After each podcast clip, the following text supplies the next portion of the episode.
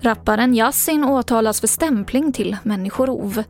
Israel går till val idag. Och oro för ökad smitta inför påskhelgen.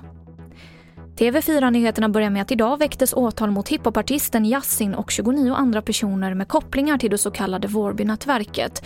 Det här meddelade åklagarkammaren. I det omfattande målet ingår flera grova brott, bland annat människorov av en annan artist, där Yassin misstänks för stämpling till brott.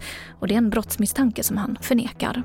Han ska då ha förmått eh andra personer att eh, kidnappa en annan känd eh, rapartist. Och det var en brutal kidnappning av den här andra rapartisten.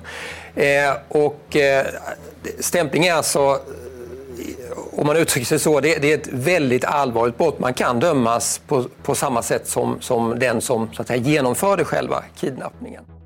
Det sa vår reporter Per Herman Rud och mer om det här på tv4.se.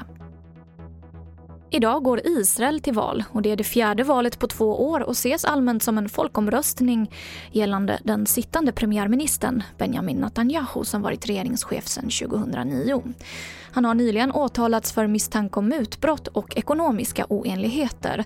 Men de flesta bedömare tror att han sitter kvar också efter dagens val. Och så har jag berättat inför påskhelgen så råder det på nytt oro för ökad smittspridning när folk ger sig ut och reser till bland annat fjällvärlden. Där bokningsläget inför påsk i princip är som ett vanligt år. Och det här innebär många tusentals fjällresenärer de närmsta veckorna.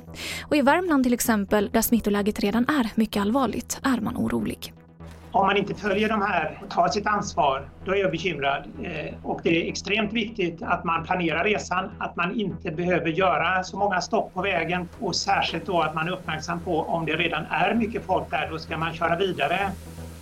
Det sa Ingmar Hallén som är smittskyddsläkare i Region Värmland. Och det var det senaste från TV4 Nyheterna. Jag heter Emily Olsson.